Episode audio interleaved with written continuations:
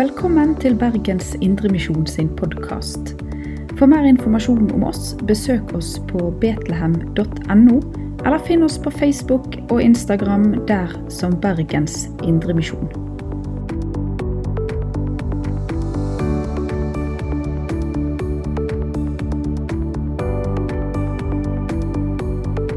God dag, alle sammen. Kjekt å være her. Og eh, takk for utfordringa, eh, om å tale her i dag. Eh, jeg vil også av møteleder bedt om å si noe om meg sjøl, men det eh, skal, ikke, det skal være fort gjort. De 22-23 siste åra har jeg vært tilknyttet NLA, høgskolen. Eh, jeg kom der i 2002 som Jeg var vel din nærmeste medarbeider Daniel. Han var sjefen min noen år, og så etter enda flere år så ble jeg sjefen hans. Det, begge deler fungerte bra, tror jeg. Ja. Men dere er kanskje mer interessert i, at, uh, i å vite at uh, det som spesielt har lå meg på, på, hjertet, og også faglig sett, uh, det har vært forkynnelsen. hatt masse studenter gjennom nå mange, mange år der vi har snakket om forkynnelsen. Eh, hvordan vi skal forkynne, hvordan vi kanskje ikke skal forkynne òg. Men eh, forkynnelsens betydning, forkynningens betydning for i hele tatt å bygge menighet og bygge kristne liv. Og så kan jeg jo som litt sånn ja, snop til eh, denne forsamlinga si at i, på midten av 60-tallet eh, jeg tror det var 65-66, eh, så var jeg med her i BIUFHO eller noe sånt. Bergen Indremisjons Ungdomsforening, Ungdomsforenings Hornorkester. og, og, og, spilte førstekornett her eh, noen år da, midt på 60-tallet. Så jeg har en fortid i Betlehem, jeg også.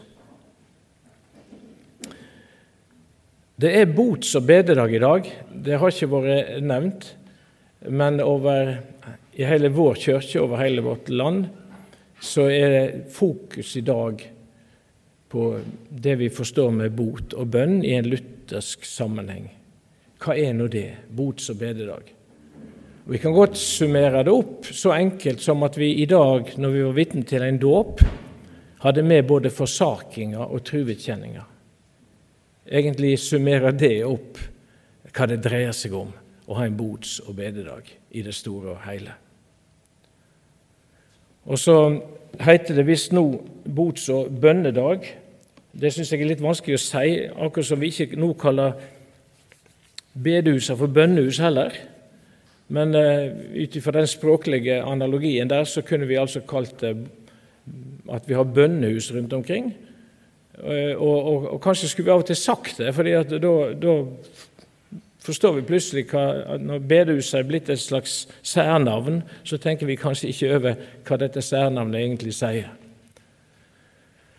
Men eh, når det nå er bots- og bededag, la oss da be. Himmelske Far, takk at du har kalla oss sammen for å høre ditt ord i dag. Vi ber for oss sjøl og for byen og for denne situasjonen som vi er oppe i nå, eh, som er farlig. Hjelp oss å respektere alle regler som blir gitt, for at ikke vi skal spre mer sykdom og ulykke mellom mennesker. Amen.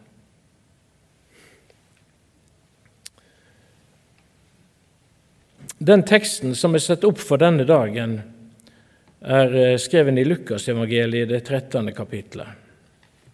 Der står det Medan han var på vei til Jerusalem, medan Jesus var på vei til Jerusalem, drog han omkring fra by til by og fra landsby til landsby og underviste. Da var det en som spurte, Herre, er det få som blir frelste? Han sa til dem, Kjemp for å komme inn gjennom den trange døra. Mange, sier dykk, skal freiste å komme inn, men ikke greier det. Når husherren først har reist seg og stengt døra, og det står utenfor og banker på og sier 'Herre, latt opp for oss', da skal han svare 'Jeg veit ikke hva det er ifra'. Da kommer det til å si vi har ete og drukket i lag med deg, og du underviste på gatene våre. Men han skal svare, Jeg veit ikke hva det er ifra. Gå bort fra meg, alle det som gjør urett. Og det skal gråte og skjære tenner når det får se Abraham og Isak og Jakob og alle profetene i Guds rike, medan det sjølve er kasta utenfor. Fra øst og vest og fra nord og sør skal mennesket komme og sitte til bords i Guds rike. Da skal nokre som er de siste, bli de første, og nokre som er de første, bli de siste. Amen. Dette er ikke godt nok, det er mitt ansvar. Der svake ledere gjemmer seg når det stormer, går Erik Hornelands ransakelse etter feil alltid korteste vei innover. Slik skrev eh, sportsjournalisten i Bergens Tidende 22.10., altså denne veka. Og Denne kommentaren ble for meg et perfekt oppløp til bots- og bønnedag. Det er en ransakelsens dag. Det er ellers lett å se utover, mot Norge, mot verden, mot noen andre, og det er vi også ofte. Vi arrangerer seminar og har samtaler og temamøter og avisinnlegg der vi kan kommentere litt av hvert om det som rører seg der ute mellom de andre. Men i dag, og i alle fall nå i begynnelsen, så skal ransakelsen ta korteste veien innover. Nå er det deg det gjelder. Og Derfor så blir på sett og vis alle mer eller mindre filosofiske spørsmål om det er mange eller få som blir frelste, avvist av Jesus. Og han snur det og gjør det til et personlig, livsviktig spørsmål. Kjemp du for å komme inn? Nå er det meg det gjelder. Og jeg hører gjenlyden av den gamle klokkebønna som jeg vokste opp med. Herre, litt ute i bønna heter det, Herre, lat nå opp hjertet mitt med din hellige ande, så jeg, og merk nå, så jeg kan lære å sørge over syndene mine. Så jeg kan lære å sørge over syndene mine og tru på Jesus i liv og død, og betre meg hver dag i en heilag livnad. Denne ene setningen her er et fullkomment uttrykk for hva bot er etter evangelisk-luthersk forståing. Å lære seg å sørge over syndene sine og å tru på Jesus i liv og død. Det er bota, botsforståinga i ei luthersk kyrkje. Ja, tenk til og med det å lære å sørge over syndene mine, for vi blir jo så ofte sløve, ikke sant? Jeg har tenkt til og med det må vi lære oss. I denne teksten vår så ser det ut til at det er veldig travle tider for Jesus. Det, det ser vi om vi leser hele kapittel 13 i, i Lukasevangeliet. Det er travle tider for Jesus. Og Lukas får det til å høre ut som Årsak? Han får det til å høre ut som innspurten i en amerikansk valgkamp. På sin vei til Jerusalem drog han ikring fra by til by og fra landsby til landsby og underviste. Da var det at en spurte, Herre, er det få som blir frelste? Er det få som blir frelst? Selv om vi har noen eksempel på slike diskusjoner mellom fariseerne, ja, ikke fra Nye testamentet, men ellers fra litteraturen, så er det i grunnen et merkelig spørsmål å få fra en jøde til Jesus. For den som var jøde og hørte hjemme i det folket, han tilhørte jo gudsfolket, kalla kahal på hebraisk. Ordet kan forstås som en, en innhegning, eller noe som er skilt ut ifra noe annet. Var du innafor innhegningen, så var du med. Var du utenfor, var du en heidning. Kahal er derfor var derfor uttrykket for et sånt religiøst, politisk fellesskap mellom jøder. Og Slik sett så har dette ordet en likskap med et annet ord som teologer i hvert fall er fortrolige med, men jeg tror nesten alle bruker det nå. Eklesia, eller eklesiologi. Eklesia, som er gresk for kyrkja. Som bokstavelig tyder det som er kalla ut og noe annet. Ek ut av, klesia og kalla. Kalla ut av noe annet. Kalla ut av folkehavet, slik som Peter skriver det i sitt første brev i det andre kapitlet. Men det er ei utvalgt ett, et kongelig presteskap, et heilagt folk, et folk som Gud har vunnet, så det skal forkynne Hans storverk. Han som kaller dykk fra mørket og inn i sitt underfulle lys. Og så står det det som før ikke var et folk, er nå Guds folk. Det som før ikke fant miskunn, har funnet miskunn, skrev Peter. Men noe må altså ha skjedd der i fotefare etter Jesu, i fare etter Jesu fotspor og forkynning, når dette spørsmålet da ble stilt til han. De må ha merka at her var det noen nye toner. Her var det et annet alvor.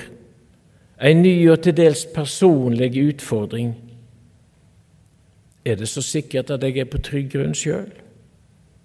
Ja, sjøl om vi er Abrahams barn og aldri vår slaver for noen, som de som var kommet til tru på han, står det i Johannes evangeliet 8. kapittel.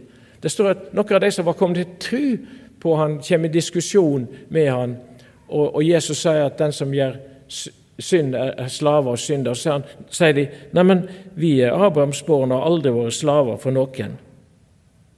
Sa altså disse folka som alt var kommet til tru på han. Og Det er da Jesus svarer på en måte som går rett inn i botsdagens tematikk. Sannelig, sannelig, jeg sier hver den som gjør synd, er slav under synda, men får Sønnen gjort dykk frie, da blir det virkelig frie. Reformasjonen for 500 eh, år siden begynte som et rop om, om den rette bot. Alle de 95 tesene som etter tradisjonen Luther skal ha spikra opp på døra i Wittenberg, i kyrkja der, alle de 95 tesene i den pamfletten som han skrev på latin, og som var festa til døra, eventuelt en annen plass, de handler om dette. Og den første tesen her sier da vår Herre og Meister Jesus Kristus sa:" Vend om, for himmelriket er kommet nær. Så ville han at hele den kristnes liv skulle være bot. Sånn står det. Det er ikke så lett kanskje for oss som det var for tyskerne når de omsatte dette til tysk, å forstå akkurat hva han da mente. Fordi at på tysk så ble den latinske teksten omsett slik Da vår Herre Jesus Kristus sa 'gjer bot', så mente han at hele livet skulle være ei bot. Dersom altså vi etter Matteusevangeliet har sagt 'vend om', der heter det da på tysk 'gjer bot' gjør bot, så vil han det hele livet skulle være ei bot, dvs. Si ei stadig, daglig omvending til Gud.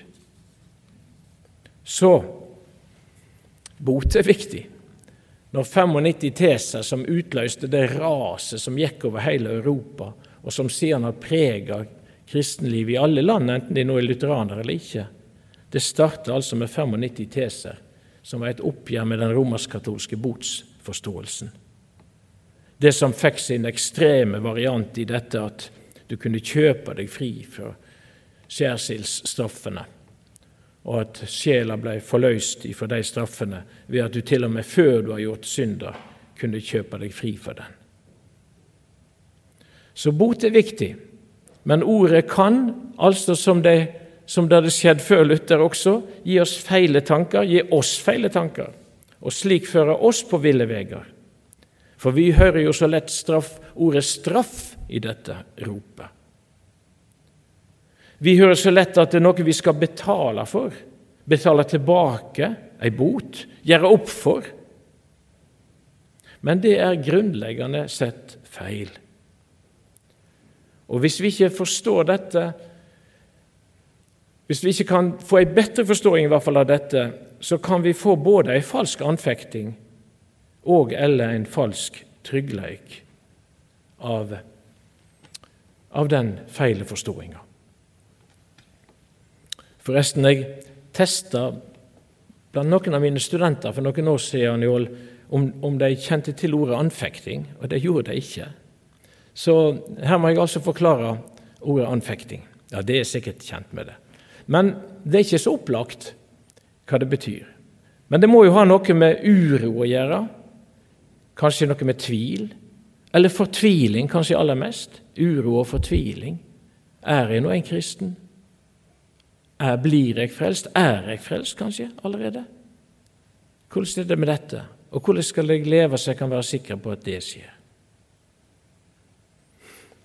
Den falske anfektinga, det er nettopp det at du fokuserer på de feile tinga i det som skal gjøres opp med Gud. Den falske tryggheten kommer da også av det samme. Jeg har midt på det tørre, for jeg har gjort opp for meg. Nei, bot blir da, slik som vi hørte det i klokkebønna, den rette bot, og det var Luther veldig nøye på, det er anger og tru. De to orda. Anger og tru. Det skulle være ei, ei rørsle i oss like sikkert som vekslinga mellom flo og fjære i sjøen. Anger over synda, innover, korteste veien. Tru utover på Jesu gjerning for oss. Slik som det står i Romerbrevet, det tredje kapittelet og 22. verset. Dette er Guds rettferd, som blir gjeven ved trua på Jesus Kristus til alle som tror. Står det der. Tre ord. Guds rettferd, gjeven ved tru. Mange av oss skulle sikkert ha vært i Oberammergau dette året. Et ti, hvert tiende år så hadde de disse spillene, og jeg tror disse kristenens livsreise eh, de, de har tapt mye penger i år på dette og de som skulle arrangere det også. Men Oberammergau-spillet ble til som en botshandling. Og eh, etter, etter ordet som, eh, som, forklarer det, så, det, så skjedde det på, først på 1600-tallet at en pest gikk over Europa. Og innbyggerne i denne vesle byen gjorde en pakt med Gud om at hvis han ville gjøre slutt på denne, denne pesten så ikke flere i byen døde, så skulle de framføre Jesu liingsoge regelmessig framover. Og det gjorde de òg. Og Sist jeg var der, for ti år siden, så var det ei evangelisk sterk oppleving å, tro, å høre på dette. Men det er klart, også, også denne handlinga, denne botshandlinga, kan da bli oppfatta som en slags kontrakt med Gud, som kan føre tankene på feil vei. Men mye god kultur, mye storslegen ytre teater og musikk og malerkunst og treskjæring og jeg vet ikke hva, har blitt født ut av denne fromheten som vendte seg til Gud når de var i nød. Men så igjen må, vi, må jeg vende tilbake til dette første spørsmålet i teksten vår. Hva med det andre? Som er tittelen på biskop Halvors si, si bok. Hva med det andre? De som ikke har fått høre, eller de som ikke har tatt imot, de, kan ikke de bli frelst? Det ligner jo litt på spørsmålet i teksten vår er det få som blir frelste, selv om det har litt, en litt annen tematikk. Men det er en variant av spørsmålet i dagens tekst. Også dette spørsmålet har ei utover- og ei innoverside. Er det bare ei intellektuell øving, ei teoretisk problemstilling. Hm. Hvordan går det nå med alle de hedningenes millioner som vi kan synge om?